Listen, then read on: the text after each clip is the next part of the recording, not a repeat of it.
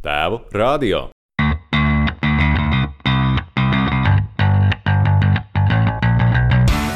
Šajā sarunā par to, kāpēc jādraudzējas ar savu ārstu un biežāk jāiet ar večiem pirtī. Sveiks! Tu klausies tēvu radio, kurā runājam par vīriešiem svarīgiem jautājumiem. Mani sauc Gatis Midrovskis, esmu tēva grupu vadītājs un divu ar pus gadus vecs meitas tētis. Un ar tēva radio palīdzību cenšos saprast, kā lai mūsdienu tēvs izaudzina labu cilvēku un to darot, nesajūg prātā, nosargā laulību un uztur arī labu veselību. Šodien sarunāšos ar Helmutu Bēķi, fonda novembra, novembra vadītāju, vīriešu veselības kustības aizsācēju un virzītāju spēku Latvijā. Viņš uztur informatīvo lapu vīru tests LV, lai vari uzskatām pārliecināties, par kurām detaļām tavā vecumā ir jāparūpējas. Ja nu kādam vēl bez tavas sievietes un radniekiem rūp tavi sēklinieki, tad tas ir šis džeks. Taču joks pie malas. Helmuts patiešām daudz laika un pūļu velta, lai vīrieši Latvijā vairāk aizdomātos par savu veselību un arī nekaunētos vai veikt uh, dažādas nērtas pārbaudes. Sveiks, Helmut! Vai pareizi? Sveiks! Sveiks. Vai, vai pareizi tevi uh, uh, ievadīju? Es katru reizi klausos uh, to, to, to aprakstu. Man, man godīgi svarīgi, tu pateici pareizi manu uzvārdu. Un, uh, Kā tu zini, es uh, vēl nekas tāds baigais nav izdarījis, lai sev pieliku kaut kādu vimpeli, bet man liekas, baigs muktu. Man pieteicis pilnīgi, ka sajūtās, uh, sajūtās priecīgs. okay. nu, skatoties tiešām uz tiem sasniegumiem, uh, tev, manuprāt, viņi liekas nesvarīgi, bet uh, vismaz tas, ko es redzu, man ir tiešām liels, liels prieks, ka Latvijā kāds to ir uzņēmies un kāds to dara. Un tādā veidā, kā tu to dari. Tās ir ļoti daudz foršas aktivitātes, ko tu kopā ar Fondu November esi uzsācis. Un pateicoties tev, ja nešaubos, tas bija 19. gads, kad uz Rīgas ielām parādījās krāniņi.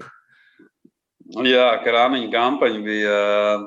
Man pat liekas, tā bija kaut kāda revolūcija tādā ziņā, ka mēs ne tikai parādījām, varbūt tur aktualizējām kaut kādu veselības problēmu, mēs parādījām to, ka Latvijā ir otrs dzimums un viņš izskatās šādi.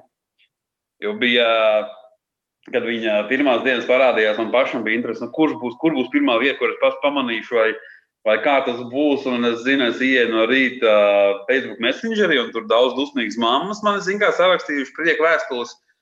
Un tad kaut kā jau to visu dienu skrien, tāds, kā saka, tu no rīta varbūt raud, pa dienu smejies, un atkal tur raud, kas mainās visā notikumu. Un vakarā es zinu, es iegāju polo, kaut ko lasu ziņas, un tur viens tāds um, ļoti lēns internets. Un, Tur tikai virsraksts parādās, vai viņi par maniem ir gājās. Pilsētā parādījās plakāti. Es domāju, nu, nedod, nedod Dievs, ka tie arī ir par maniem. Un, un, un, un, jā, un kaut kāds kungs bija sajūties ļoti aizskārts, kad uh, Līdz viņam to lietu viss ir kārtībā un, un, un ka viņam nekas netek.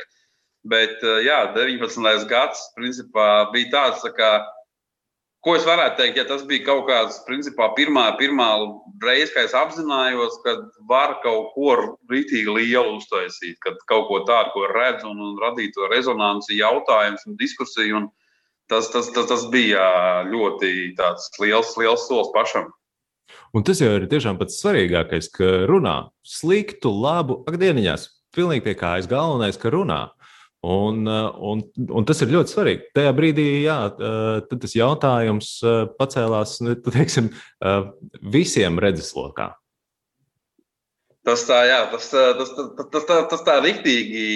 Nu, jo bija, bija daudz jautājumu, kad kad uh, no sākuma mums bija tā, ka uh, vai tā, ir pornogrāfija vai nav, vai, vai tas ir aizvainojums vai nav. Un, tad kāpēc tā un kas tas tāds vīru tests tāds ir? Un, un tad bija kas aiz tā visa stāv un, un, un, un, un, un kas to visu zina, ka organizē. Un, Kas jau, kā mēs minējām, pirms ētera, kad ir tā sajūta radīt, ka tas uh, ir kaut kas ļoti liels un kaut kas liels koncerns vai kaut kāda ļoti liela aģentūra vai kaut kas. Bet man liekas, tas bija pat ļoti sastājās viss, kā saka, zvaigznes vai situācija, kad bija iespēja tādu kampaņu uzrīkot. Un, jo man bija piedāvājums starp divām, izvērst, izvēlēties starp diviem vēstījumiem, varbūt. Un, Es domāju, ka viens bija tāda fanošanas tēma, un tad es teicu, par ko mēs īsti fanosim. Mums neviens sporta veids nav pīķīgi. Nu, mums ir kaut kāds, nezinu, tur 2004. gada futbola čempionāts, kad mēs atceramies, mums, piemēram, tur epizodiskas spēles hokeja, tur, tur kāda slavenība basketbolī, bet mēs nevaram pateikt vienu tādu sporta veidu vai disciplīnu. Nu, šī te mēs esam nu, neiznīcināti. Nu, varbūt bobslēgs skeletons savā laikā, bet tas nav tomēr tāds mazs sports. Un otrs bija par to vīru tests, un kad es to zirgu jau ierādīju, un kad tur uh, dzirdēju, kā saka, kad domājam tos saukļus, kad, ja tev arī nolaupīs izplanētēji, viņi to prostatu pārbaudīs. Un, un es teicu, nē, es saku, šī tas ir tas, uz ko zinu, kā jāšauj. Tad, protams, bija pašam, jau pirms tam es konsultējos ar vienu aģentūru, kad es prasīju, kas varētu būt trakākais, ar ko es varētu saskarties. Un, viņi minēja, ka nu, loģiski, ka nu, tu vari trāpīt zem lupas, bet uh, es teicu, ka nē, ka tas ir, nu, tas, tas ir kādam jāizdara. Es teicu, ko viņi par Helmutu Beju pateiks tādu jaunu, ko es jau nezinu. Nu, man 30 pār gadi jau. Un, un, Es esmu daudz ko dzirdējis par sevi labu un sliktu, un internetā par maniem ir gan labs, gan slikts. Un, kā jau teicu, tā viss ir patiesība, jo es esmu pa īstam. Nu. Jā, tu, tu tiešām esi pa īstam, un tas jau arī, nu, kā jau iepriekš es te runāju, nu, tas ir tas, kas rezonē cilvēkiem. Tu esi pa īstam, un tas, ko tu dari, ir pa īstam, bez nekādiem baigi slēptiem motīviem, vismaz kā arī izskatās. Un, un super! Paldies, tev, ka tiešām kaut ko tādu rīktīgi foršu un drosmīgu uzņēmies, jo citādāk būtu varbūt atkal kārtējais meh, teiksim, no tādas kampaņas. Tagad ir forši. Es nu, kā, kā cilvēks, varbūt, kuru grūti aizvainot ar, ar, ar krāniņiem uz ielām, es biju sajūsmā. Es biju ārkārtīgi priecīgs, ka kāds to ir uzņēmies. Tur bija godīgi tas 19. gads, vēl paturpinot, ka tas bija vispār interesanti. Es tajā brīdī arī biju mārketinga vadītājs vienā santehnikas uzņēmumā. Un, uh, tur arī es gāju uz tādiem tā biznesa rītiem, un tur tās līnijas runas vajadzēja, kur tev jāpasaka, kas tu tāds esi. Un, uh, Un, un arī tur bija svarīgi dabūt to uzmanību. Un tad, ja man tur bija, ka es biju krāna vārdotājs no krāna līdz rītausmai, uh, un, un, un, un, un, un tad bija tā, ka man kaut kāda kolēģi satika, viņi teica, nu, kā viens Helmut, tipa, nu, nu, kā mums tev pieteikt krāns, jo nu, tu to tēmu esi apspēlējis. Un, Man bija 33 gadu dzimšanas diena, un es teicu, ka man ir iespējas ar 33 krāniem nobildēties. Un, un, kad, kad tas, uh, Nu, jau par, ir, ir taču tik vienkārši, un, kā saka, mēs visi saprotam, kā saka, to drēbi, par ko mēs runājam. Nu, jā, varbūt es biju tas, kurš to eh, gan pateica skaļi, gan arī parādīja vizuāli. Nu, kā saka, tās lietiņas šitā izskatās. Un, un, tas bija, bija man, man arī bija svarīgi vispār to vīru testu un to vīriešu veselību, ko man gribās ir eh, par to tieši, tieši tik vienkārši runāt. Eh, nu, kad caur, caur, caur, caur, caur joku, caur komunikāciju, caur to, kā mēs eh, vīrieši, to, kā mēs runājam. Nu, tur mazliet tas tā kā uzbrauciens viens otram, vai kaut kāda paķeršana, vai kaut kāda tur. Uh, joks un, un, un kaut kā, bet uh, kā saka, katrā jokā ir daļa patiesības. Man gribējās tā, lai tas, ko es arī saku, ir, uh, nu, kā jau tagad minu, es pastāvu ļoti par to, lai būtu uz tiem pierādījumiem balstīts. Lai nav tā, ka es dabūju troksni, un tad man ir saka, jāmūs, jāmūs un jāsaraksta un jāmeklē tajā kaut kāds pašlabums. Bet uh, paņemt principā ļoti spēcīgu problēmu un parādīt, ka hei, problēma ir mūsos, ne jau kaut kur citur. Jā, redz, uh, nu, es, es uz šīm vīriešu lietām manāmi uh, uzreiz ļoti labi atsaucos. Tā ir tēma, kas man ļoti, ļoti interesē. Man ir interesanti arī palīdzēt citiem. Uh, tas, ka man patika tava lapa, par to vispār pat nav jautājumu. Bet kas man, man likās interesanti, ka teiksim, es savā, savā draugu lokā viņu nošēroju. Un arī uzreiz dabūju tādas nu, foršas atsauksmes no džekiem, kuriem ētur, nu, kuriem vispār nekas neinteresē. Viņi ir uh, visvareni un, un, vienmēr viņiem būs laba veselība un nekas viņus nesatricinās. Viņi arī atvēra, paskatījās, o, oh, forši, beigi, tā kā vienkārši. Un tiešām, bļāvis, par šīm lietām man vajadzētu painteresēties. Labi, man tagad ir 30 gadi, bet uh, nu, jā, tas, tas uh, laiks, tas pulkstenīts visu laiku tikšķi uz priekšu, un nekas jau neapstājās. Un ir tomēr jā, jāpainteresējas par tām lietām, kas varbūt tagad 30 gados var sākt uh, pasliktināties. un jau zināt, tomēr, kas draudēs ap 40 gadiem un, un tā tālāk. Uh, varbūt tu vari uh, tiem, kas vēl nav iegājuši uh, vīru tests.lv, īsumā izstāsti, ko tur var sagaidīt. Jā, ka vīri SLV principā tā ir tas nākamais solis, kad es jau ātri, piemēram, sapratu, ka, ja, piemēram, ņemam skaidrs, piemēram, 10 tūkstoši vīriešiem prostas vēzis Latvijā, un tā varbūt tā grupa, ar ko jārunā, Un tas tomēr noteikts vecuma solis, bet vīri TSLV ir tā, ka, principā, ir vīri TSLV, atrodot veselības pārbaudi. Es ticu tam, ka vīrietis aizmirst sievai dzimšanas dienu, bērniem reizēm un svētkus, bet cik viņš ir vecs, nu viņš tiešām zina. Un tad ir TSLV ievadot savu vecumu, tur jau parādās, principā, vidējā vīrieša veselības stāvoklis, ieteicamās veselības pārbaudes Eh, kam būtu jāpievērš uzmanība. Un, principā, jau es domāju, līdz gada beigām pat uh, būs paskaidrojums, kāpēc tam ir jāpievērš uzmanība un kā to pārbaudu veids. Jo tas, tā stigmatizācija jau radās arī tā, ka, nu, piemēram, es pateikšu, pārbaudi acī tur spiedienu, tad uh, būs bauma, ka tur pūš acī, tur drausmīgais diskomforts un varbūt tāpēc uh, vīrietis neaizies. Nu, līdzīgi kā Covid tests dotajā brīdī. Es esmu nodevis trīs reizes, visas trīs reizes negatīvi, bet esmu atbildīgs nu, pret, pret sevi un pret pārējiem, vairāk pret pārējiem. Un, um, man liekas, tiešām viss. Nu, kas būs tas sāpīgais tas, tas process? Un, kad uh, tikai skaidrojot, jā, bet vīra tests, principā tā ir doma, ka tā būs tā veselības platforma tieši vīriešiem, vai tāpat arī, piemēram, uh, ja būs dzirdējis, piemēram, tur nezinu tur onkoloģiju, tur nezinu, smadzenes atrīcinājums, kaut kāda lieta. Principā šeit uh, vīri testē to varēs atrast.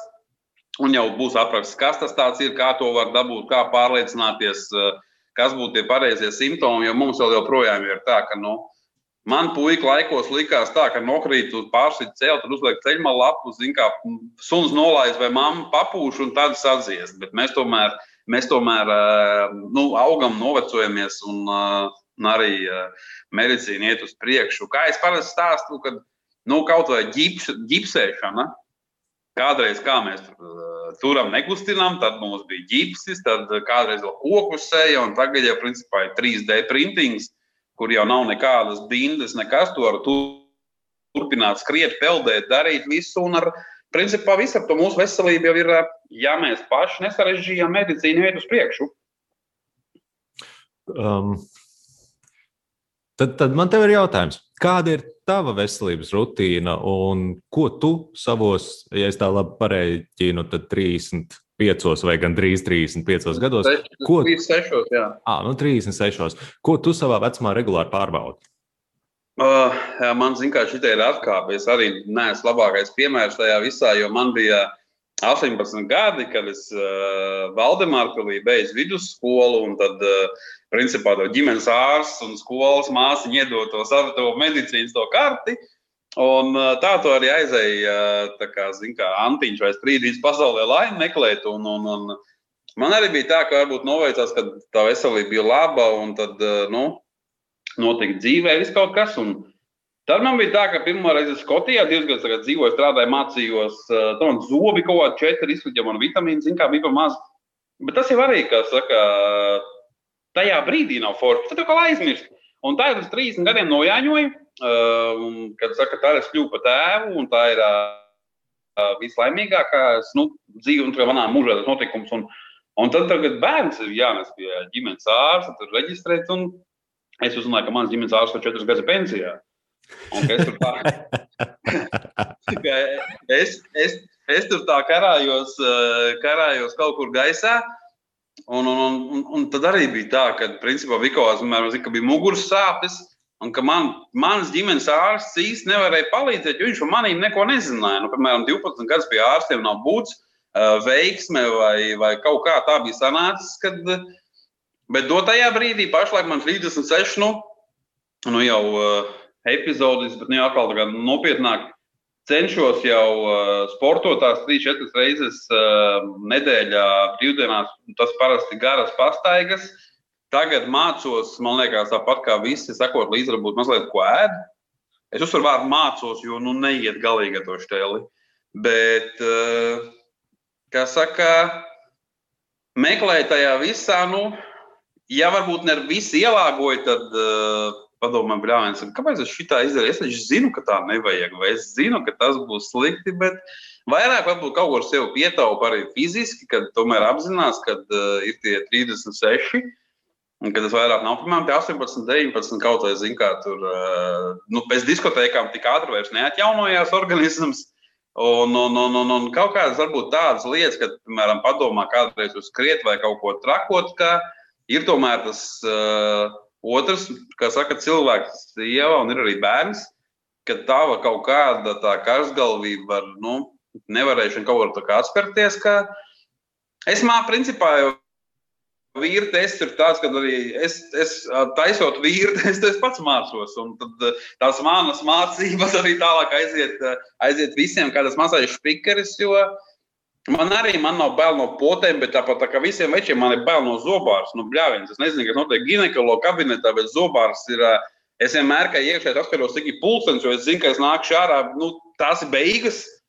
Un, un, un, un, bet, ka, man liekas, ka tā veselība ir tā, ka uh, ieklausīties savā ķermenī un, un kā saka, neticēt, jo viņš nekad nemelo. Uh, Ja sāp mugura, labāk aiziet pie, aiziet pie ārsta. Ja sasit kāju, tad nu, nu aiziet uz to, to, uz to rengenu. Nu, jo man arī tagad, piemēram, saules trokas nenormāli. Es zinu, kāpēc es biju jauns un stilīgs un staigāju bez cimdiem. Nu, man labi, ka man cepurs patīk, nu, arī ausis salušas. Nu, vai, vai vasaras čībiņām nostaigāt visu ziemu, jo tā ir stilīgi.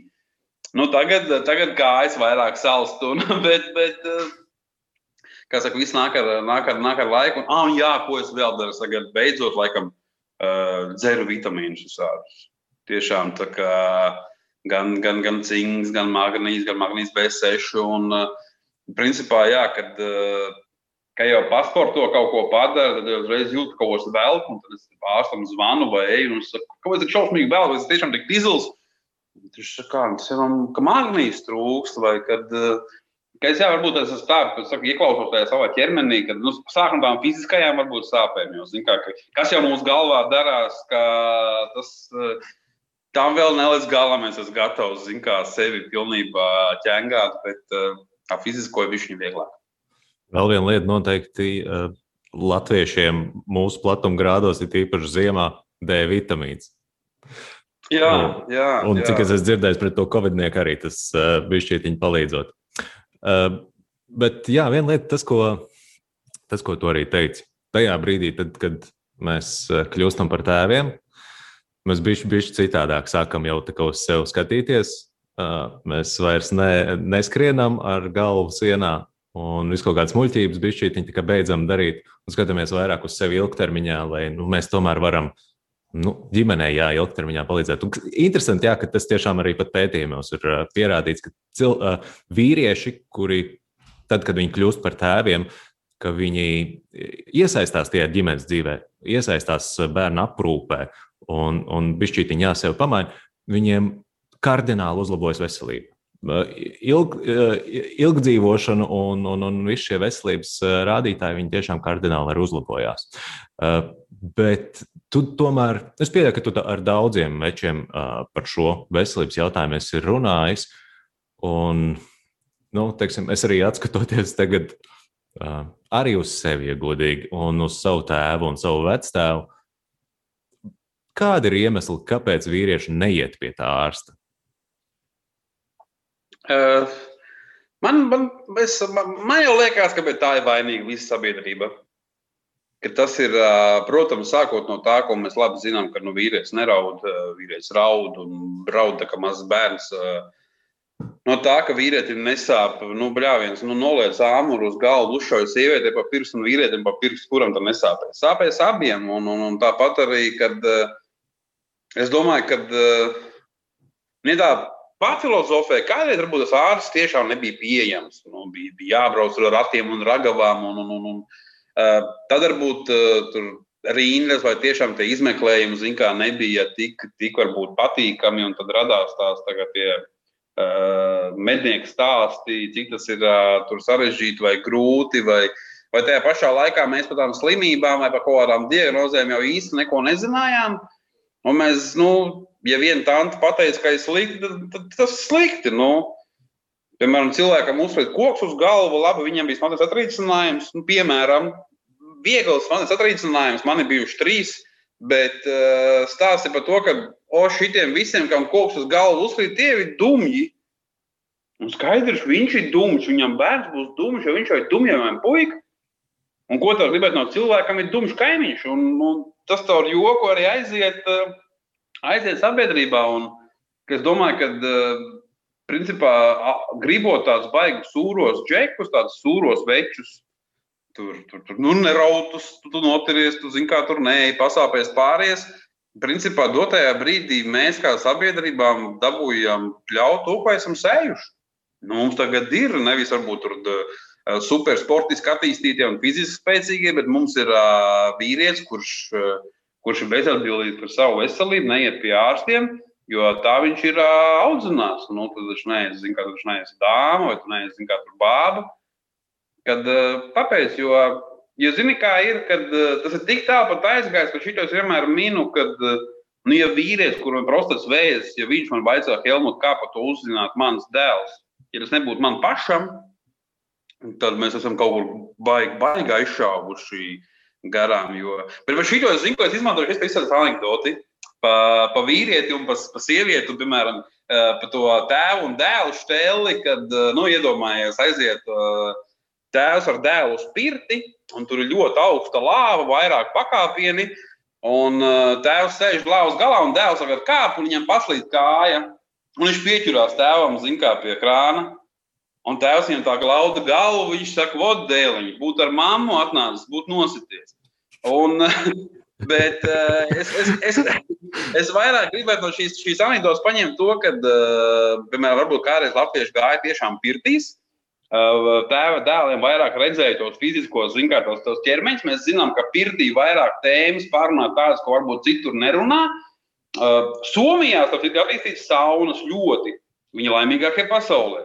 Es šeit jūtu ļoti, ļoti tiešas, vienādas paralēlas, ka tas arī bija gan, gan miesēlā, gan garam labs. Un viss šis kopā, kad, jo ja jau būs tā drusku ne tā kā Gatis un Helmuts, un mēs zinām, ka mēs nu, neesam tikai divi, kā vairāk, mums būs vajadzīgs laiks, kamēr mēs mainīsim to, tos uzskatus, ka nu, pie ārsta aiziet. Nu, dotajā brīdī ir tā, ka uh, ārsts nevienmēr būs, zin kā, tur veicis tas traubiem pirkstiem, zin kā, vai tānta ar pumpainu degunu. Tur jau var, tu gribi vīrieti, vai vīrieti, gribi pie sievietes, vai pie sievietes, gribi pie jaunākā ārsta, vai pie jaunākā ārsta. Tev vajag sarāt, lai tev motivētu veselību rūpēties. Aizej pie tāda, tev vajag tā, kas tev uzklausa, aizej pie tāda. To tajā brīdī ģimenes ārsti ir ļoti, ļoti nu, daudz pieejami un, principā, nu, varbūt arī mēs esam bijuši izlaisti. Nu, Nu, cik liela tā tāda Rīga ir? Nu, pusstundas laikā izbraukā Rīgā. Krustām šķērsām jau vajag saplānot. Nu, tad tagad jau ir ģimenes ārsts, kas tavā kvartālā vai zina, kā kaut kur tā, ka varbūt tur tuvāk un pēc kaut kādām referencēm. Kā... Es nezinu, es atbildēju, bet nu tā. Mans, Jā, ar, ar, tiem, ar tiem ārstiem nu, es, es varu pastāstīt savu pieredzi. Um, es, uh, es esmu nomainījis arī ģimenes ārstu pēdējos, laikam, piecos gados. Tīri vienkārši, lai ir ērtāk. Ja? Ot, mums ir arī dzīvojot Rīgā, tīri vienkārši, lai ir ērtāk. Mums ir tās visas iespējas, jā, mikrorajonos pa 10, 20 ģimenes ārstiem. Bet tādu speciālistu, kam es tiešām uzticētu savu veselību, ja godīgi nav, jo es aizēju pie, pie ģimenes ārsta, kurš man jau nu, gadiem arī uh, oficiāli ārstē. Un es viņam saku, nu, nu, saaugstējos. Nu, ķipa parastā augstēšanās. Kā ir? Ja viņa ārstē, viņa ir septiņas dienas, ja neārstē, tad nedēļa. Ne? Un uh, viņš man saka, nu, jā, bet vajadzētu antibiotikas. Un es kaut kā vismaz man ir tāds uzskats, ka antibiotikas varbūt nav tas labākais veselam organismam, un, un viņas būtu jālieto tajā brīdī, tad, kad čista vairāk nav, nav ko, un tur ar vitamīniem nevar izdarīt. Un, un šī nav vienīgā pieredze, un tiešām tas ir kaut kas tāds, ko es esmu daudz redzējis arī. Līdz ar to tas, ko es gribu teikt, ka labu ārstu, tādu, kam tu tiešām ilgtermiņā, visu savu mūžu garumā, teiksim, varētu uzticēt savu veselību un paļauties uz to, ko viņš ieteiks. nu, ir diezgan maz, un arī tik, tik daudz, cik es esmu runājis ar, ar apkārtējiem. Es, piemēram, man vēl viena lieta, ko es daru, ir esmu viens no onkoloģisko pacientu organizācijas apvienībā, es esmu Onko aliansē, un, ka, piemēram, onkoloģija ienāk ģimenē, tad šis jautājums ir vēl, vēl, vēl, vēl trakāk. Un, un, un, Bet tas, ko es gribētu pateikt, un tas, kā vajadzētu to, to, to, to, to domāšanu mainīt, ir tā, ka cilvēks pats ir līdzatbildīgs savas veselības veidošanā. Un, un, piemēram, kā, kā piemērs tā arī būtu, ka tu pareizi minēji, ka uh, tu aizejot pie ģimenes ārsta, es jau sagatavos, varbūt. Nu, tu zini, kas ir teraflūds, tu zini, kas ir citrons, tu zini, cik tev ir laiks. Tu zini dažādas veidus, kā nu mēs ārstējam uh, saaugstēšanos. Un kāds pats tu, ja, piemēram, papētīs arī savu argumentu, varbūt, kāpēc antibiotika nav laba. Un tad, piemēram, noliec blakām bet, uh, cilvēku, kurš ir pie ģimenes ārsta atnācis, vot, te nu es esmu. Un tad tam ārstam jau principā jāiesaka tāds risinājums, kas ir vairāk vai mazāk universāls visiem. Kad viņam ir garantīja, ka, ka tu būsi vesels. Jo uh, vēl jau ir kas, manuprāt, problēma, kad mēs jau tiem ārstiem īsti jau baigi arī nerunājam. Eh, jo Gatis, piemēram, zinot, piemēram, dotajā brīdī to fenomenu, to anomālo rudīšanās praksi, mēs varam aiziet, pateikt, mēs esam saaugstējušies, mums tur ir klepus, un ārsts tagad pateiks, labi, tev šī sirupiņš, šī zālītes. Un tu viņam nepasaki, ka, doktor, es no rīta atkal braukšu piecos, zinu, kā rūdīties. Mēs ar aliņģiem, džekiem normāli ejam. Nu, tad, tad kādu, zinu, kā, jau ir, gults režīms, kad uh, Mēs ļoti arī ejam pie tiem ārstiem. Viens iet ļoti pārgatavojies, un kāds iet totāli negatīvs. Un, jo, piemēram, par tādiem ārstiem es negribu kā, kritizēt ģimenes ārstus, jo tas vienmēr ir cilvēku faktors arī, protams. Un, un, un otrs, tas, ka mums uh, varbūt nav labākā medicīnas sistēma pasaulē, viennozīmīgi, bet mums ārsti ir labi. Nu, tā, principā, kā, kā, kā speciālisti mums ir zinoši. Un, uh, Uh, bieži ir tā, ka viņu spēju mūs maksimāli labi ārstēt nevis ir viņš, kā saka, cilvēks, bet sistēma. Jo viņam nav pieejami, piemēram, visi nezinu, izmeklējumi, visi, visi medikamenti un tā tālāk. Kaut tajā pašā uroloģijā, piemēram, gadījumā, ka piemēram, ir klīnikas, kur ir iespējams uztaisīt uzreiz mamogrāfu un visu izdarīt, un ir, piemēram, kur ir tikai konsultācija. Un, tad, piemēram, ja dotajā brīdī mums tās ģimenes ārsts, ja viņš Viņam ir, ir atnācis varbūt Gatis, un viņš jau zina, ko viņš tev var varbūt, nu, ieteikt. Vai tajā pašā laikā, ja Gatis ienāk kā noplukušām biksēm, zin, kā tās varbūt netik situēts, viņš pateiks, Gati nopērk šo vitamīnu, zina, kā par 70 eiro trīs kursiņus izdzer. Un tad viņam teiks, nē, nē, šis simt punkti kaut kādu, zin, kā formulu, kad tas cilvēkam, kad viņš saskarās savu veselību, kad viņam ir svarīgi, Viņam ir sajūta, ka visa pasaule viņam ir uh, parādā. Un tad, kad piemēram, ir kaut kāda veselības pārbaude jāveic vai kaut kas, tad, tad atkal tā pasaule tā sliktā, jo, zin, kā tur uh, psihosomatika, dabas piesārņojums un viss citi. Kad, bet tas īstais ir sanāk, jā, ka cilvēkam jābūt tomēr līdzatbildīgam savā veselības veidošanā. Tāpēc jau tā arī ir, ka nu, mēs taču zinām, nepīpē, sporto un ēd mazāk varbūt miltu produktus. Kā saka, tas jau negarantē līdz 120 gadiem dzīvot, bet tas jau garantē veselības uzlabojumus. Nu, un, mēs, mēs zinām, cik mēs ļoti to labi ievērojam visi. nu, jā, tad šajā ziņā. Uh, Un es īstenībā tad, tad tiešām piekrītu tam apgalvojumam, ka nu, ir jātur lietas kursā tas ģimenes ārsts. Un, nu, varbūt ne reizi mēnesī, bet uh, reizi ceturksnī varbūt ir uh, jāaiziet uh, un, un viņš jānoinformē, kā tev sokās. Uh, varbūt tiešām ir kāda pārbauda arī jāuztaisa un, uh, un jādraudzējās ar ģimenes ārstu. Tas, tas nu, ir tāds man, man, nu, apusējs, apusējs sadraudzība, un nav jāgaida, ka tikai viņš tev man, visu manuprāt, izdarīs. Zini, man, manuprāt, būtu jāaiziet kā, tādam tā kā reizes gadā pilnais check-ups jāuztaisa, kas ienāk, zināmā mērā, pilnā asinsvaina, tur rēdze, tur, tur arī zobārs, viss. Nevis sistēmai, bet savai drošībai. Un, manuprāt, tas, ko Covid mums labo atstās, būs šīs attālinātās ārstu konsultācijas. Jo, ja reiz, ja reiz tev nav, nezinu, tur sasitums vai kaut kas tāds, kas tev ir ārstam jārāda, nezinu, tur kakls vai kaut kas, tad es, es uzskatu, ka viena daļa var attālināti. Un, un, un, un kad, Tu pareizi pateici, ka tas, tas jau tāds runā, piemēram, par tiem ārstiem ir kā, ka es saku, nevajag to ārstu pārvērtēt, jo pieņemsim situāciju sāpošs zobs. Nu, tā sāp, ka lupatās, un tagad tu pie to ārstu aizies, viņš tev zobu izraus, viņš izraus vislabāk, bet tev tas žoklis būs izlausts. Tev būs tās sāpes, tev būs tālāk tā nākamā diena, kad tur viss asiņo, un tur nav ārsts vainīgs. Ārsts savu darbu izdarīja, bet nu, tev, zin, kā viss jau, kā saka, dzīvē ies tālāk. Bet, un tāpat jau ir viena lieta, kad ārsts jau izdarīs, nu, nezinu, tie, kam ir kaut kas bijis lausts vai šūts, nu, ārsts sašūs, salāpīs, bet, nu, kā, kā tavs organisms, apmēram, tur tā brūce jau sāpēs tik un tā. Tāpēc, sanāk, varbūt tu pirms, pirms spēr kaut kādu soli, tad Es saku, mēs esam tik cilvēcīgas būtnes, mums ir iespēja domāt, un man liekas, tas mūs var vai nu padarīt par muļķiem, vai par cilvēkiem. Tā jau ir mūsu paša izvēle. Nu, labi. Uh, tad man te ir maziņš challenge. Es nezinu, varbūt kādas ir uh, attiecības tev ar savu uh, tēvu.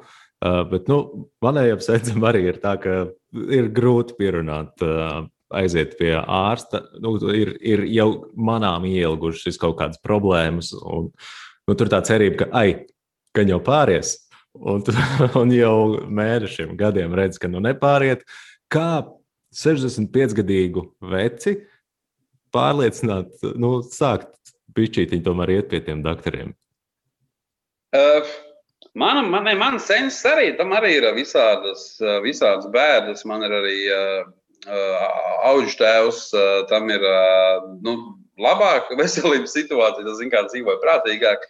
Bet uh, Zini, kā, ja tiešām, piemēram, jāvelk ārā trūkumi, tavā gadījumā viņam ir mazbērns.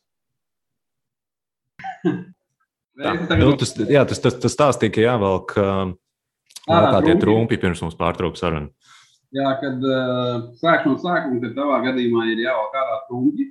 Tavā gadījumā tas ir uh, mazbērns un pat kaut kādi pieci vai seši mazbērni, es nešaubos. Tie ir, tie ir, tie ir mazbērni un uh, ir jābliek pa vājajām vietām. Tas ir uh, vienīgais veids, kā kaut kāda nu, cerība trāpīt. Un, un, un, nu, nu, nu, piemēram, no otras puses ir atkal tā, ka, uh, ja viņš pats līdz galam negribēs, to arī neko īsti neizdarīs. Un tas, ko varbūt uh, varam mēs darīt, uh, nu, varbūt nojaušot vai zinot, ka kaut ko mums nestāsta, tad uh, būt atvērti, būt blakus, būt saprotoši nu, un runāt. Un tajā brīdī, kad šāds kungs kaut ko pasaka mums, uh, man tur tas vai šitas, vai, vai kaut kādas sāpes, tad uh, nevis pirmā ir, ko tu ātrāk neteici, mēs jau visu laiku tev zinām, kā sakam, bet uh, vienkārši esi, uh, lai, viņš, lai viņš jūt, kad. Uh, ka tu esi blakus, to, ka tu esi runājams, jo tic man, viņš jau tāpat sūdīgi jutīsies. Viņš jau zinās, bet, bet tā klātbūtnē, es pats ļoti daudz stāstu, gan, gan lasījis, gan savās konferencēs dzirdējis par to, kā, kā ģimenes uzvedās tajos dažādos scenārijos, varbūt ar uzzina, kā, piemēram, tēvam kādā diagnozē, un, un, un, tur ir šie visi veiksmes stāsti tieši saistīti ar to, ka ģimene vienkārši ir uh, atvērti, ir blakus, un, un, un tad paši izvēlās, vai mēs gribam sev, kā saka, piekabi, kam zina, kā tagad mēs pieklājīgi pie viņa braucam 40 minūtēm, ja tad viņš vēl tālāk, vai pakārtosim tās 40 minūtes, zina, kā fantastiski, vai pateiksim, nu, tēt, tas nekas, ka mēs bijām, piemēram, uz minūtēm 40, tu aizēji pārguli, zina, kā mēs te pat būsim, un tu neesi mums, nu, tā kā kaut kāds uh, liekais. Viss, es saku, vienkārši, ka tāds ātri izstāstīt, rakstīt par, onkoloģijas pacientu, kad uh, tāds kā, vairāk raksti, kad uh, bez viņa paša, ko viņa sieva raksta, ko raksta tās meitas, un ko vecākā meita raksta, kad, ka pirms desmit gadiem tētim uzzināja, ka viņam, ka viņam būs gads, tā kā atlicis dzīvot, un, un tad viņš uh, uzreiz ir nopircis visām meitām slēpes, un, un visam tagad viņš ir kopā paslēpot, un tad jau zina, kā mazbērni pieteicās, un, un tādos desmit gados, kad viņi apraksta, kā viņi mainīja visu to dzīvi, ka pirmie mazbērni, kā tagad varētu braukt ciemos, un kā šis teicis, varētu būt klāt. Un, ka beigās, kad es teicu, kā saka, aizgāja tie tēti ar augšu, arī ģimene bija ap viņa gultu, un viņi teica, tēvam acīs bija tāds, ka uzraksts aptuveni, nu, I made this family.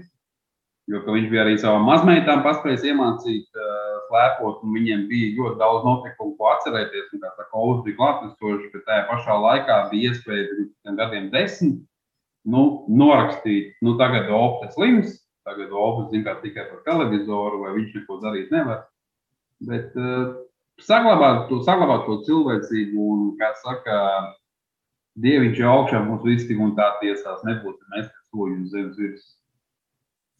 Jā, šis ir, šis ir ļoti vērtīgi īstenībā. Jā, tas, tas, ko tu stāstīji, un uh, tu esi arī uzsācis tādas video sarunas, uh, kuras mēs arī varam noskatīties uh, Facebookā ar uh, prostatas vēža slimniekiem, kas ir rīktīgi forši, ka ir, ir iespējams tiešām dabūt arī tādus atklātus večus, un viņi, viņi stāsta, kā ir. Un, nu, tas, tas, tas, tas, tas, jā, protams, es, Es, eh, kā saka, man tur ļoti daudz ko mācīties, uzlabot. Es eh, Latvijai vairāk kā desmit tūkstoši tādu veču. Man, man ir pirmā, pirmā trīs intervijas tapušas, bet eh, tas, ko šis viss iet, kad vispār varbūt rādīt, ka onkoloģija kā tāda tā nav individu slimība, tā ir sociālā slimība. Jo onkoloģija ietekmē gan, gan cilvēku, gan viņa partneri, gan viņa ģimeni, gan principā jau sabiedrību. Un, un šis ir tāds uh, veids, kā par to pārunāt. Jo, jo, jo līdzīgi kā Gats un Helmuts ir principā divi dažādi džekļi. Mums vieno tas, ka mēs esam tēvi, un mēs zinām to, ka uh, mēs varam kaut ko totāli sačakarēt. Tikai mūsu, mūsu tā atšķirība, ka mēs uh, gribēsim uzzināt, kā mums tā gadījās, kā mēs to kļūt neatkārtot. Un tas tiešām kādām, nu, kādām, zin, kā varbūt nebija tik, nebija tik forši. Nu, kad, uh, Jo mums sanāk arī, jo, jo, jo, jo, jo, jo godīgāk varbūt pret sevi un pārējiem, kad uh, es zinu, ka es uh, kādreiz esmu ļoti labs tēvs un kādreiz ne līdz galam. Bet man liekas, tas arī ir tas, kas uh, nu, padara mani par cilvēku. Es parādīju savam bērnam, kad arī tavs teica, kļūdīties. Tas, ko es pats mācos, piemēram, pateicu savām savai sešgadīgai meitai, uh, tas ir tas, ko es tagad uh, Tā ka mums tagad ir viņš ir mans bērns. Varbūt man vecāki varbūt tā nav teikuši, kāpēc tā jāsaka. Bet, bet tu pasaki un tā parunā. Tu mēģini paskaidrot, un tu jau dzirdi to, ka tu skaidroji bērnam, tu skaidro sev kaut ko. Tu atdod sev to parādu savam iekšējiem bērnam. Un, un, un, kad uh, tas uh, darbiņš zina, kā ar uh, sevi savu mazā zina, kā psihologu. Tas jau ir tas, ko mēs arī man liekas, jā, visos tēva grupās un visos vecāku kursos, vai nu beigās, vai arī jau pa vidam saprotam, ka, nu, jā, mēs it kā gribam uh, tos bērnus izaudzināt, bet īstenībā tas viss sākas ar mums. Un, un nu, jā, caur bērnu audzināšanu mēs izaudzinām sevi. Un, uh, jā, nu, tad, tad, tad, tas, tas, tas, ko tu stāstīji, tas ir baigi, baigi labi. Un, uh, par, par to atbalstu. Man liekas, tas ir ļoti svarīgi dzirdēt, ka jā, cilvēkiem, kuriem ir teiksim, vēzis ienācis ģimenē, ka nu, par to es, es droši vien jā, no savas, savas pieredzes arī varu teikt, ka večiem kārt, nu, jau gados viņiem ir sasodīti grūti par to runāt nu, apjēgt to visu realitāti ir šausmīgi grūti atklāt, vispār runāt. Un varbūt tajā brīdī uh, ir jāuzņemās varbūt arī iniciatīva kādam no malas, to, to sarunu atklāt, to uzsākt. Un kad, hei, izrunājam, kas tad, kas tad īstenībā notiek, un, un tiešām dot pilnīgu savu atbalstu. Uh, nu, jā, lai, pat, pat ja mēs teiksim, apzināmies, ka, ka nu, jā, mums tā dzīve tagad nebūs turpmākos, varbūt 30, 40 gadus, bet nezinu, ja tie, ja tie ir 10, tad jau rīktīgi forši. Bet vai izbaudīsim to kārtīgi un tā, lai mazbērni un mazbērni atcerās? Jo ir jau tas, ka, manuprāt, ka neviens jau nekad nebūs gatavs tai, tai īstajai sarunai vai, vai tai īstajai palīdzībai, ko vajag šim cilvēkam ar onkoloģijas diagnozi. Bet otrs ir tas, ka Man vēl nav publicēts, bet man arī ir viens, kā saka, kungs, kurš teica, ka, eh, nu, ko tie veči aiziet, zin, kā ir šķūna, iedzer, iedzer un paraugu, vai, vai, vai, vai viņi raud, un kad varbūt, kad ir vajadzīga nevis saruna, bet tajā brīdī, kad būs blakām, vai, vai tēti, vai vectēvu, vai, vai, vai kaimiņu, kad pats zini, ka reizēm uh, nesaka neko. Iedzeram pat tai šļukai, uh, ka viņš zina, ka uh, ļauj viņam, kā, dabūt to vārdu. Katrā ziņā mēģināt darīt tā, lai viņš nenoslēdzās un nekādā gadījumā nežēl. Kad, Stundu jau... pasēžam klusumā, iedzeram pa šļukai, un pēc tās stundas varbūt kaut kas pavērsies. Jā. Tieši, tieši tā sanāk, pārsanāk, jo, jo, jo, jo dzīve turpinās, un tas jau arī būtu tas signāls, kur būtu svarīgākais sūtīt, kad uh, dzīve jau turpinās, dzīve ir priekšu, un lai arī kā viņa būtu, es būšu blakus. Kā saka, tu šitajā sūdā neesi viens. Jā, klausies, uh, pirms mūsu sarunas tu pats teici, ka neesi nekāds uh, ārsts, spečuks, uh, taču laika gaitā nu, tavu balsi ir sadzirdējuši daudzi. Un cerams, ka pateicoties tev, kāds priekšlaicīgi ir arī atklājis sev prostatas vēzi vēl ārstējumā stadijā, vai sadzirdējis kādu citu trauksmes ziņu. Uh, Pastāstīja, kāds ir no īstais stāsts tam, ka tu darbojies ar fondu Movember? Uh, īstais stāsts, jā, īstais stāsts ir, man, ir uh, tik cilvēcīgs, laikam cilvēcīgāk nevar būt. Bija 2015. gads, reizē ar mani meita ienāca ģimenē, man principā viss tālāk uzņēmējdarbība, tālāk viss darbs, ko es darīju, pilnīgi viss beidzās. Ne, ne, ne tā, kā es to gribēju, principā bija, bija ļoti slikts, sūdīgs sākums tam visam, gan kā jaunam tēvam, gan kā ģimenei, gan kā to, ka tu neprot, neprot naudu nopelnīt neīstajā brīdī, neīstajā laikā. Un tas ceļš man kaut kā aizved līdz vienam no barbershopiem, kur es principā baigi dabūju sev kā pāri, kur man jābūt administratoram, no tā džeka, kurš organizējas tās džekas, kurš lauka matus, piedāvā dzērienus un principā uzlādējot no pārējo enerģijas, kas grib atkal noticēt, ka vari vari pa 30 eiro maksu nogriezt. Bet uh, paralēli šim visam viena aģentūra rīkoja kā vīriešu veselības mēnesi, kur uh, viņiem vajadzēja no barbershopa tikai krēsls lai aizvedu uz Arēnu Rīgā. Es biju tā kontaktpersona, un tur bija viens puisis, kas nodarbojās. Tiešām tam tas ir vajadzīgs un kāpēc. Un es gāju prasīt, kas tas ir. Nu, jo kaut kas tur jau par novembri arī zināja tikai mūsu. Nu. Un tā vārds vārdam, vārds vārdam, process, vējas, šitā, tā un šitā. Un nu, nekas, nē, nē, es arī kaut ko izdarīju. Sākumā tā bija tikai gribēšana kaut ko arī iesaistīties. Un likās, veids, kā viņi to dara, varbūt ir ok, bet es jau redzēju, ka varbūt savādāk.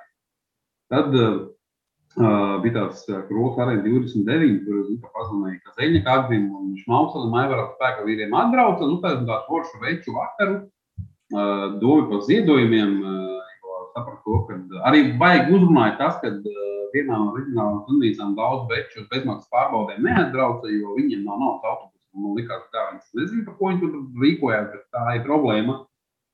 Un tad, tad jā, iegāja tajā kā, iekšā, un tad novembris beidzies. Es domāju, lai arī kā, bet nākamajā gadā gan es gribu vairāk tajā visā kaut ko darīt, jo likte tāda nepadarīta darba sajūta. Un tad, kā reiz jau es arī atgriezos oficiālā darbā, un uh, bija arī uzņēmums, tā laikā bija pretī nākošāks. Un tas viņiem kā stāstīja, ka nu, šī tā tēma ir, ko to darīt. Un, un, un tad, tad jau nākamajā gadā jau, uh, principā, bija tā, ka uh, Urologa asociācija tajā gadā nerīkoja tādu vīriešu veselības mēnesi. Un uh, loģiski, man ir budžets, un zināšanas, lai kādreiz gribētu to šausmīgi runāt. Bija tāds iekšā, domāju, kā nerunāt, un zin, kā tik jau tā problēma ir. Un es uh, pie sevīm arī padomāju, ka uh, es pazvanīšu trīs cilvēkiem, ja viņi pateiks, viņi man palīdzēs, es darīšu, jo nē, to nevar viltināt. Zvanīt dizaineriem, uzzīmēm ar logo, fonā man arī ir. Es saku, lai obligāti Latvijas karodziņš. Un uh, tad uh, pazvanīju Čomam, kam bija krokas, ka man dod vietu. Es nezinu, ko tas darīt. Man vajadzēs vietu. Un uh, Čomam vēl ir kurš taisa mājas, kas saka, tu man uztaisīji tagad to template, zini, kā tās mūkla, tad izskatās nopietni. Un, jā, tā es uh, sāku, principā, ļoti maz sajēgt, ko es darīju. Gribējās krokas un gribējās, gribējās to, ka gājas un tā ir vīriešu veselība. Protams, vējas katru gadu 40 mirst, un es to kaut kā ļoti norozināju, ka Tie nav 400, tas nav cipars, tie tēvi, vectēvi, krustāvi, brāļi, tie nenormāli svarīgi. Zin, kā, nu, vīrieši un vēl viens trakais liepājā uzrādās, kurš arī, zin, kā, panesās no visam līdzi. Un, bet beigās mēs tā noparzinājām, ka vispār to rakstīt. Tad, uh, es, es zinu, ka es tajā laikā vēl nezināju ļoti daudz personīgi sabiedrībā zināmos večus. Kurš tā arī Facebookā gāja, rakstīja visiem maivim, ceriņam, grēviņam, Jānim Romanovskim, visiem bez kārtas, un, un visi piekrita. Un man bija noslēguma pasākums, tā, ka nāca mēdī un prasīja, ka, kas šī organizē, kas ar šī tā viss stāv. Un, un man no viņiem neko nevajadzēja. Es jau neko pat, man nebija viņam ko dot, es zvanīju čomiem. Uh, aizdod man naudu, vai nopērk man maigas, vai, vai man, man liekas, jāsamaksā par rēķinu. Man tiešām nebija naudas un nekādas sajēgas. Un, un, un tā pagāja pirmais gads, nākamajā gadā jau es biju pamanījis, jau es apgāju kaut pie Origo, jau ka mans čoms vilka autobusu, un tur Dienāmo Rīga jau vilka lēts tīrāmo mašīnu. Gribējās vienmēr pielikt kaut kādu klāt, tādu troksnīti, bet es sapratu to, ka jāmācās, jāiet tajā tēmā dziļāk. Un tad jau bija kaut pirmie veči, jau, kas uh, kas uh, jau mani uzmeklēja, prasīja, kā tā varētu palīdzēt. Un es nu, mēģināju kaut ko palīdzēt ar tālāk zināšanām. Un tad pēc, pēc trešā gada bija tā, ka, principā, trešā gada sākumā es sapratu, ka tā vairāk nevar, ka vajadzīgs iet nu, tālāk, tam jābūt kaut kam lielākam, normālākam, plānotākam. Un, un tad, jā, tad uh, meklēju Ko tad īsti esmu Movember pasaulē dārājis uh, tīklu līdz pašam Movember aizsācējiem uh, caur LinkedIn un, un, un runāju ar visiem reģionālajiem Movember vadītājiem. Pie vilšanās, kad uh, nu, mēs nevaram ielikt lielajā kartē. Es, nu, viņi par maniem zina, bet man pašam būs vezums jāvēl. Un tad uh, gāja dziļāk tajā tieši troksni dabūt, es biju mācījies, un vienmēr padevies, gribēju tiešām palīdzēt, atbalstīt. Un, Tad gāju tajā pacientu tiesību aizstāvībā iekšā, tad meklēju visus kursus, piedalījos konkursos, lasīju, mācījos, kas ir profesijas veids, kā viņi ārstē, kā viņi diagnosticē, kas Latvijā ir, kas mums trūkst. Un, un tā kaut kā līdz pagājušā gada janvārim, beidzot uh, izturēju vienu lielu konkursu un tiku uz apmācībām Briselē par uh, pacientu organizāciju aizstāvību, pacientu organizācijas vadību, menedžmentu, kā strādāt vispār. Un, un tad bija tā, ka tu aizbrauc un ka tu zini, ka tu esi visdumjākais, visjaunākais un vienīgais šī principā nepiedarošs. Un kad es sapratu, ka man tieši 5 dienas, lai to kompensētu ar savu attieksmi, ar savu gribēšanu, jo es jau viņiem aizvedu jau maiku, jau pārbaudu procesu, un mieras es viņiem biju parādījis, ka es Latvijā, nu, principā, nu, es esmu dabūjis troksni, nu, man vajag tā palīdzība tieši zināšanās. Un tad uh, tur, tur tiešām ļoti daudz dabūju paziņu gan starptautiskā līmenī, gan, gan, gan Eiropas līmenī. Un, un bija arī tāds jautājums sev pašam, kad aiz tur tādu līdzīgu trako sev atradīšu, kas par to deg, pat kuram pašam, zin, kā nav ģimenē onkoloģija, nav draugu vidu, bet kurš vienkārši ir aizvedzies. Un, uh, protams, ka es tādu nesatiku. Un pienāk klāt rumāņi, viņi saka, ka viņi brauc kā spīkeri pie mums, kad uh, viņi saka, tu velc visu zāli. Un es saku, ko interesanti zināt, ko tad es viņiem pateikšu. Es saku, es neesmu kā tēmā. Un tā es atbraucu atpakaļ, un, un, un tad es uh, atradu, bija tāds, tāds European Patient Forum, kur ir uh, ļoti daudz pacientu organizācijas, dažādām lokācijām, principā viens no top vispār. Un, un es redzu, ka tie ir izsludinājuši vairāk kā pusgadu apmācību par visu koču, ar visu, visu, visu, un uh, par tiek 50 no Eiropas biedrības. Lielbritānija kas bija 51. Un, un, un, un tajā pašā laikā no Kipras pieteikušies divi. Un es tev to nažu asmeni ielīdu iekšā, un es domāju, nē, es iziešu ārā kā kaut desmit točna. Es gāju ārā kā trešais. Un, un, un, un, un principā jau nākamajā gadā es varu palīdzēšu mentorēt vienai biedrībai. Es nezinu, no kuras valsts. Un, un, un, un, un tas bija kaut kā tā, ka tev ir coach, kurš tev vispār neko nezina, kurš no citas valsts kuram neinteresē katra tāds es, ko tu esi sasniedzis un kurš ir laikam challenge. Un tajā brīdī, kad viņš pateica, viņš saka, viņš saka, ka tu neesi normāls, viņš ir tikai debesis tālāk limits, viņš saka, ka tu neesi apstādināms un kad, nu, ka tu to visu vari izdarīt tikai nu, tajā brīdī, kad tu sev pats noticēsi. Un uh, es jau no darba biju aizgājis. Es zināju, ka es šitajā iekšā visām četrām, un tad, tad, tad es, saka, tad es sāku nopietno. Un tad, uh, atradu Latvijā dombiedrus, kas, kas vēl tāpat, kas ir zinošāki manī citās lietās, onkoloģijā. Un, un, principā apvienojamies vienā onkoloģijā, tiešām darījām vairāk politiskas lietas, sociālo darbu komisijā. Tur, Izveidojam deputātu darbu grupu saimā. Es saprotu, ka medikamentiem ka tajā gāja maksimāli dziļi, saglabājot to, ka tam visam jābūt vienkārši. Tāpēc man ir vīru tests, kurā es runāju ar vīrieti parasto, saviem čomiem, saviem čomu tēviem. un iegāju tajā onkoloģijā padziļināt. Šogad arī sanāk, es atkal esmu ticis, ka to 15 gadu apmācību nākamo kārtu. Kad visas, piemēram, pagājušajā gadā es vispār iemācījos, kā ir pareizi tā biedrība jābūvē, kā ir pareizi jābūt organizācija, izveidoju arī, kā saka, vīru grupu šiem procesu pacientiem un, un, un, un, un ka to palīdzību, kā saka, tur nav vajadzīgs mācītājs, varbūt es zinu, ka viņi dara labu darbu, bet tur nav vajadzīgs mācītājs, tur nav vajadzīgs, lai glauda pieri, vai tur nav jāpalīdz Jānītam, Pēterītam un Lienītē, tur jāpalīdz, kā saka, sistemātiski, un uh, to gribās, to savu enerģiju nu, nobīdīt. Un, kad tu minēji par to kādu palīdzēšanu, kādam tā super kaut kāda ticība, kas izšāva ārā, bija, kad iedomājies, ir tādas dienas, kad tev liekas, ka, zin, kā, ka tu esi šleproks, ka tev vispār nekas neiet Un tādā dienā es braucu no Angūras lietas gāžu, un uh, benzīns tūlīt beigsies. Viss slikti, telefona baterija maz. Un zvans viņš numurs, un domāju, bļāviens, man tiešām cilvēkam vēl kaut ko vajag. Un tur, protams, čau, Helmut, atceries, pagājušajā gadā mēs tur vedām vairāk svečus pārbaudīt. Vienam no viņiem, zin, kā atklāja vējas, izācējiem dzīves. Un man likās, ka šī tā, zin, kā par fanu, ka tu vari kādam, zin, kā, kā izglābt. Es domāju, ka nē, es varu vairāk darot tās lietas nopietni.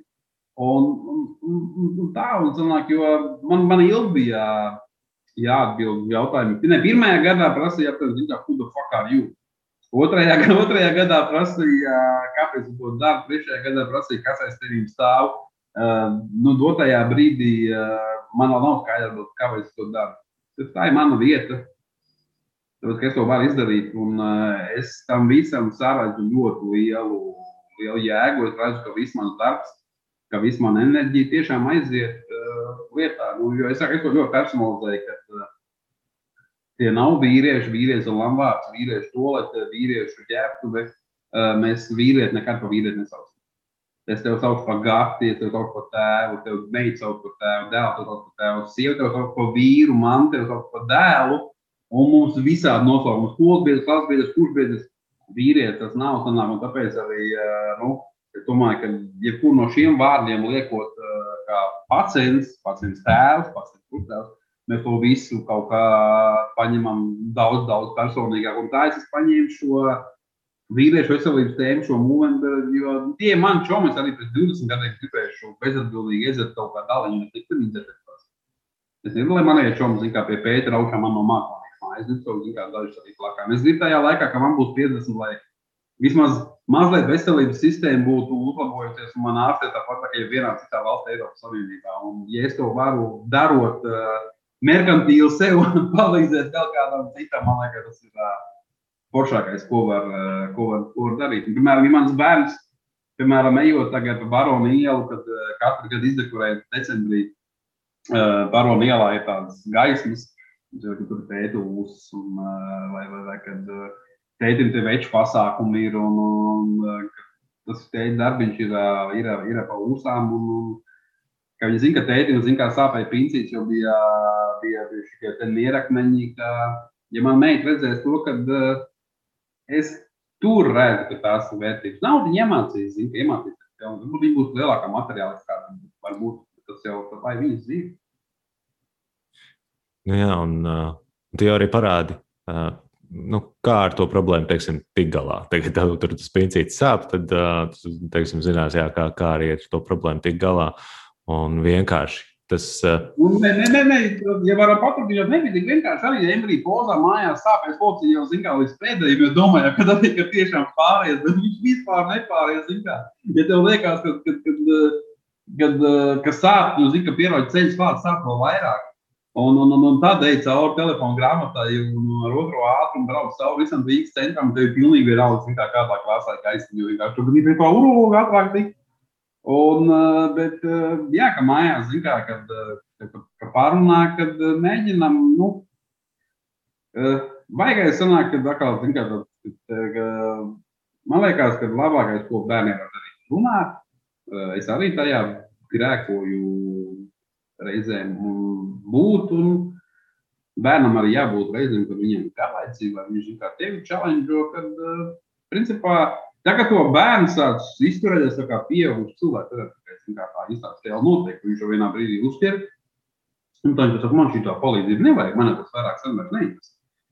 Un, un, un, un, un tad domās, no, ko es palaidu garām, kā, kur brīdī šis izaugs, kāda viņi, zin, kā, tik loģiski sāk spriest, vai, vai, ka, principā, kad bērnu paklausās, kā viņi būvē teikumus, un domām, kā viņi tas ne, tas tāds ļoti, kad, bet, es saku, man liekas, es nevarētu teikt, ka es esmu, zin, kā, svēts, bet kaut kādas garīgums, zin, kā, nāk gadiem iekšā, man cenšos kā, to mieru sevi, sevi, sevi rast.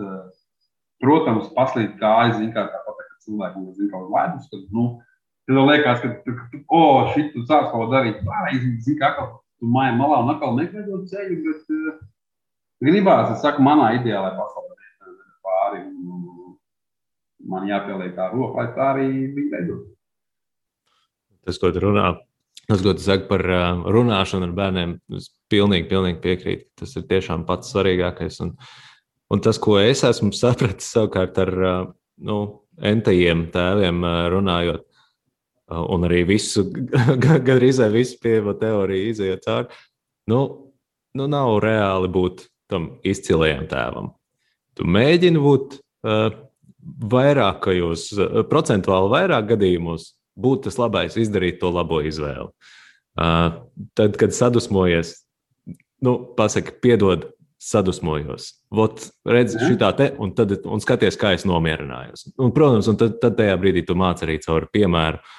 Oi, un tad, kad sākas tie teikumi, tā, tā, tā teikuma būvēšana, tad redzi to domu gājienu. Wow!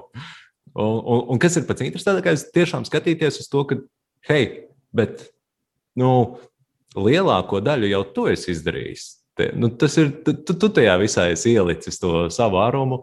Uh, jā, ok, uh, ģenētika un vienkārši cilvēka attīstība dara arī savējo. Bet, ja tu ar viņu nebūtu runājis un to, to loģisko secinājumu varbūt nebūtu uzbūvējis, ļoti iespējams, ka tur tas nebūtu. Nu, man pašam kaut kā arī, nezinu, diviem gadiem izdevās atrast savu iekšējo bērnu, varbūt reizē tik daļā kaut kādiem tādiem aizvainojumiem, ar ko es dzīvoju ļoti ilgu laiku. Un, un, un, un, un tad sanāk kaut kā saslēdzās kopā, ka to tieši tik labs tēvs, vispār labs tēvs sev.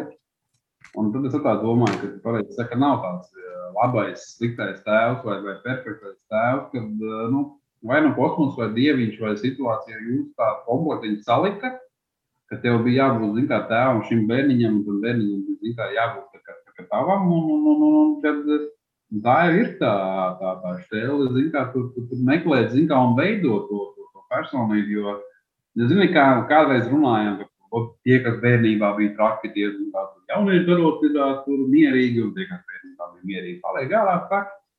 Ka, man liekas, ka tā ir ka tāpat arī nu, tēva loma ir tikai viena no lomām, kāda ir vīrietim. Un, un, un, un, un, kā saka, tā, tā, tā, tā samērība arī tajā. Un ir jau loģiski, ka kādreiz pasakā kaut ko tādu, ko, es, nu, es domāju, ka es tā neteikšu, bet man ir tā bijis, ka es tevi domāju, ka, nē, ka es neatvainošu, man ir jāparāda tomēr tas rakstus. Nu. Tāpēc, ka es esmu tētis, jo sanāk, jo, nu, varbūt tas nesakrīt ar kaut kādām vispār pieņemtajām normām, bet es to, piemēram, kaut kādu rīcību uzskatu par vērtību. Un, un, un es šeit nedomāju, kā tur tā, par roku pacelšanu pērienu. Nē, tas ir konkurences tabū. Tās nedrīkst būt. Neviens, zin kā, neviena nedrīkst sist. Bet, kad ir kaut kāda reizēm kaut kāda aizrādījuma, par piemēram, kaut kādu rīcību, ko es uzskatu pats, ka, ka, tas, ka tas ir ok, un, un, un, un ka, ka, ka, ka tā būs vērtība, ka tas būs tas veids, kā es savam bērnam zinu, kā iemācīt. Varbūt, ka viņam būs, zin kā, 20 gadu viņš pienāks, viņš teiks, tēti bija tāds ezels. Nu, Tu taču man varēji parādīt savādi. Bet, ja tomēr arī pārunāsim, zini, kā es teicu, kā es savādāk tā nezinu. Jo tā mūsu vecāki arī daudz ko sliktu negrib investēt. Viņi bija tādi paši kā mēs, tikai mums tagad informācija daudz vairāk. Un, un, un mēs tagad varam pārunāt, nu, kā tu man darīji vai kā tu man teici. Nu, viņi negribēja darīt neko tādu, kas būtu slikti, vai to tagad zina, kā būtu depresija. Viņi teica to, ko viņi zināja tajā laikā. Un tieši to pieejamo informācijas apjomu. Arī, arī mūsu uh, senči un mūsu mammas. Lai ko, ot, jā, mēs tagad esam samācījušies šausmīgi daudz teorijas un uh, varam kaut ko viņiem pārmest, kā viņi it kā nepareizi darīja, bet tajā brīdī ar viņiem pieejamo informāciju viņi darīja visu, visu uh, labāko, ko varēja. Jo es domāju, viņi mīlēja mūs tikpat stipri, kā mēs tie savējos bērnus mīlam. Um, nu, tev tagad ar sešgadnieku pastāst, kas, kas ir tie uh, nu, lielākie izaicinājumi? Uh, mums ir, uh, mums, kas, mums ir uh, forša, man fantastiska meita, bet viņai, man liekas, ir tā, ka mums baigi salīdzēt, ka ir gan raksturs, gan viņa man ir emocionāli.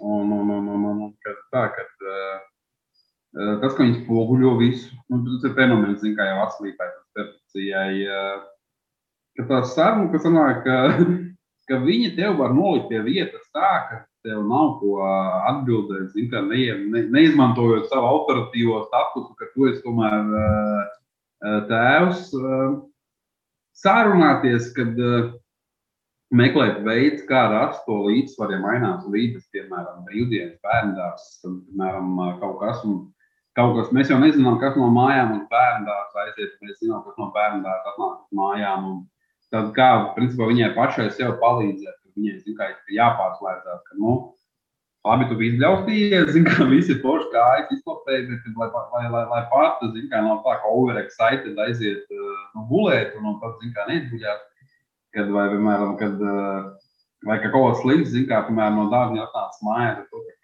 pārunāt, ja pārspēj tā, ka aiziet gulēt, tad viss nosēžās, Un tad jau tā liekas pašam, kā tāds aiziet veidot. Un tad viņiem, zina, kā atnāk runājamais, vai kā māmas visu izrunāt un izstāstīt, ko tu redzējusi, kad eh, man tas, eh, kad, eh, kad tagad tas sešgadnieks, ka viņš jau prot jau runāt, viņš jau skaidri pateikt, ko viņš, ko viņš grib un kāpēc viņš kaut ko nedara, viņš jau māk pamatot. Un, uh, es Kā saka, es neko sliktu nevaru pateikt par savu bērnu. Ja tu pareizi teici, es jau esmu daļēji, nu, viņš jau spoguļo mani, no tam pašam sevi jānoliek. Nu, un tajā pašā laikā, kad, kad jau esmu kā visi kopā, kad uh, tas ir tā, tā dzīvošana brīvdienām, tā, kad, kad zinām, ka būsim vietā un kad, kad nezinām, ko darīsim, bet uh, Līdz lietas, tik un tā iesim ārā, iesim ārā kapucēm vai, vai, vai, vai kaut ko darīsim, sniegsim ārā, varbūt karstiesim ārā. Un, kā saka, būsim kopā, staigāsim, meklēsim tās, tās, tās, tās iespējas. Un, un, un. Vai forši mēram skatīties uh, CSI Miami kopā ar uh, bērnu, un bērns arī zina, ka būs uh, oranžais vīriņš, Horācijas Keins, ja, un tas ir tāds, ka ikokar rituāls, un kad dozēt, lai nebūtu tas saka, principā jau tā, ka uh, zini, ka piezīmes zīdainis parasti saka, tā kaka jau tā nesmaržo, zini, kā vai tā nesmird, tā kā mēs iedomājamies. Jo maz zīdaini, zini, kā kaka, tas kuņas, ka kaut kā, zini, kā ierūguši kaut kā brīnumiņš smaržo. Tagad sanāk, ka tā, ka tev jau ir jau, ne, nu, nu, no vienas puses mājās ir trīs personas, kas, kas, kas, kas, kas ēd vienu to pašu, kas, kas saka, ka visiem, zini, kā vienādas lietas kodē un, un, un, un kas, ka, ka katram ir savas intereses un savu viedokli. Tagad ir tā, tā, tas, tas tāds mēģinājums, jau, kad uh, neuzskata par to bērnu, un viņš to bērnu, viņš nav dums. Tomēr viņš kā piekuši cilvēks, viņš ir pats izstāstījis. Nu, labi, klausies. Uh, esam kārtīgi parunājuši, manuprāt, un te man te noslēguma daži jautājumi ašie. Uh, tev pēdējā laika mīļākā grāmata? Pēdējā laika mīļākā grāmata? Fokus, fokus, tā kurtu Onegūta. Kurtu Onegūta, jā? Jā. Kā, kāpēc varbūt var pastāstīt? Tā ir tāda grāmata, ko jūs zināt, lasīt, mēnesi nelasīt, turpināt, un neko neesmu pazaudējis. Uh, lapus laikā tik daudz ko attīstīt, tā pašā laikā var arī nolikt maliņā, bet nedēļas turpināt, nav ko meklēt. Ok, forši. Um, vai tu tici citplanētiešiem? Uh, es nezinu, ka Protams, ka kaut kā mums jābūt, vienīgi. Un šis jautājums ir īstenībā ieteikums no tevis. Viens padoms, ko dos savam bērnam? Uh, Nedod citiem to, ko tev pašam nepatīk. Ļoti labi. Tāds universālais arī no vairākām reliģijām. Laikam. Nu, tagad tu vari uzdot uh, vienu jautājumu man. Uh, Kā es tev varu palīdzēt, lai šī lieta tev vēl labāk aiziet? Oi, pārliecini visus, visus Latvijas tēvus par to, ka ir svarīgi, svarīgi runāt par, par tēvu būšanu. Ir svarīgi mācīties arī par to, kā būt labākam vecākam. Un, un, un jā, ka tajā sabiedrībā ir spēks. Mēs, mēs veči esam ļoti klusa tauta. Mēs nerunājam, mēs bieži vien arī ar savu sievu nerunājam par to, kas īstenībā mūs grauž. Un, un tāpēc, jā, es tiešām gribētu atgādināt un pateikt um, mūsu Latvijas tēviem, ka ir tāda iespēja atrast večus, kuriem rūp, kuri labprāt palīdzēs ar kādu padomu. Sliktākajā gadījumā vienkārši aizies pie garāžas un stundu, pusstundu uh, klusējot, iedzers kādu graķīti un tiešām vienkārši atbalstīs. Nu, ko, labi, nu, sākšu saviem draugiem, nu, kas, lūpas ūdeni. Jā. Uh, Kā, ja tā godīgi, es pagājušajā gadā, kas ir 2020. gada uh, 31. oktobrī, uztaisīju savu tādu kārtīgu rituālu un pēdējo reizi aizgāju uz barbershopu, kārtīgi pa skaisto no, nodzinu matus. Un tā bija jā, teiksim, tāda reize, kad es beidzot arī nodzinu bārdu. Jo e, man bārdi ir kopš 15, 16 gadiem. Un, e, un jā, iepriekšējo reizi es viņu pilnībā biju nodzīvis pirms trīs gadiem. Līdz ar to bija ļoti interesanti paskatīties uz savu seju, uz tādu patieso sevi, kā tad īstenībā es izskatos. Un par to es gribu pateikt lielu paldies tev, Fondam Movember, par šo kustību, par to, ka atgādiniet par to, cik svarīgi īstenībā ir kā, reāli paskatīties uz sevi, gan uz savu pliko, nodzīto seju, gan arī vienkārši uz savu reālo veselības stāvokli. Un atcerīt, atcerēties, ka mēs neesam supermeni, mēs esam reāli cilvēki. Un visiem, visiem klausītājiem iesaku aiziet uz vīru tests.lv, ievadīt savu vecumu un paskatīties, kādas tad vajadzētu apskatīties veselības problēmas, par ko tavā konkrētajā vecumā vajadzētu parūpēties. Labi, Helmut. Liels, liels, liels tev paldies par tādu foršu, foršu atklātu sarunu ar vienkārši foršu atklātu džeku. Super, super, lai tev viss izdodas. Un... Paldies tev, un, un mēs jau noteikti ar tevi vēl tiekamies pirms novembra, vai ne? Domāju, ka pavisam nopietni. Labi, sarunāt. Šo, šo sarunu mēs vēl atkārtosim. Turies, lai veicas! Tā.